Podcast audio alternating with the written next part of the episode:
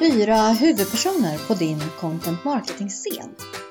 För att kunna bygga varumärke, förtroendefulla relationer och så småningom skapa affärer med din målgrupp måste du vara relevant och konsekvent i ditt marknadsföringsarbete. För att lyckas med det behövs både rätt regi och rätt casting. Här är fyra huvudpersoner som kan hjälpa dig att forma och förstärka dina budskap. 1. Dina kunder för att förstå och skapa förtroende. Den viktigaste källan för information och inspiration i ditt marknadsföringsarbete är dina kunder, ambassadörerna i din marknadsföring. Men minst lika viktiga är de för att du ska kunna förstå och utveckla relationen med din målgrupp, dina personas. Det är genom dina kunder, befintliga och potentiella, du får verklig insikt om deras utmaningar, vad de drivs av och hur de gör sina vägval.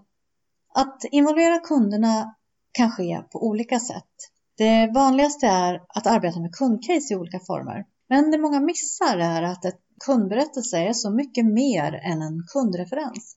Genom att lyfta fram dina kunders egna berättelser, inte bara se till att de lovordar dig i var och varannan mening, skapar du förtroende och trygghet hos andra i din målgrupp. Det leder också ofta till att det nästa gång blir enklare att rekrytera nya personer hos dina kunder som vill dela med sig av sina erfarenheter. Ett annat sätt att ge kunderna en av huvudrollerna är att be dem dela med sig av sin egen specialistkunskap. Det kan till exempel handla om att du på ett företag som säljer affärssystem vill beskriva utmaningarna på en ekonomiavdelning inom en viss bransch. Istället för att du själv berättar låter du intervjua en av dina kunder om deras utmaningar och framgångar i vardagen. På så sätt blir du mer trovärdig. Det visar också att du som leverantör är mån om att förstå dina kunder och hjälpa dem att adressera sina utmaningar. Många kunder uppskattar också att få berätta om sina problem och problem de löst eh, eller nya smarta arbetssätt. Detsamma kan du naturligtvis också göra i samband med ett event genom att låta flera kunder dela med sig av sina erfarenheter i till exempel en panel. Eller varför inte bjuda in någon av dina trogna kunder till ett webbinar där de får berätta om sin utvecklingsresa. Det bidrar också till att stärka kundlojaliteten. 2 dina medarbetare för att fånga hela företagets kunskap. I content marketing-arbetet är hela företagets kunskap din resursbank och grunden i din marknadsföring. Såväl när det gäller insikten om personas och budskap som när det är dags att producera content och aktivera det ni gemensamt skapat i olika kanaler. Se experterna i din organisation som företagets primära kraftkälla det finns idag inte någon marknadsavdelning som klarar sig helt på egen hand. Du behöver ta hjälp av kollegor från olika delar av din organisation. Låt dem dela med sig av sin kunskap. Om de inte själva vill skriva eller prata publikt, intervjua dem. Be dem berätta om vanliga utmaningar, frågeställningar eller vilka trender de kan se inom sitt expertområde. Genom att dra nytta av den specialistkompetens som finns inom ditt företag får du även en bättre leverans och affärskoppling till ditt eget arbete. Att lyfta fram nyckelpersoner som normalt sett kanske inte kommer till tals uppskattas också ofta och främjar verksamhetsförståelsen internt. 3. Dina samarbetspartners för att öka räckvidden och addera värde. Gemensam insats med gemensam vinning ger dubbelt genomslag. Vad kan du lära av dina samarbetspartners och vilket värde adderar de till ditt erbjudande? Säkerligen har ditt företag ett antal strategiska samarbeten som är viktiga för att kunna leverera mervärde till kunderna. Unika paketeringar eller add-ons som särskiljer er från era konkurrenter. Du kan göra mer än att bara presentera dessa som en del av ditt eget erbjudande. Involvera dina samarbetspartners. Beskriv storyn bakom. Se det ur kundens synvinkel. Det intressanta är inte att ni har lagt till en massa mervärden, utan varför och hur det hjälper dina kunder att bli bättre, smartare och nöjdare. Fokusera på att hitta en relevant koppling mellan ditt företag och din samarbetspartner som skapar en positiv känsla. Då bidrar partnerkommunikationen till att stärka förtroendet för dig som leverantör. Välj med omsorg och kom överens med din samarbetspartners vilka kommunikativa teman ni ska samarbeta kring.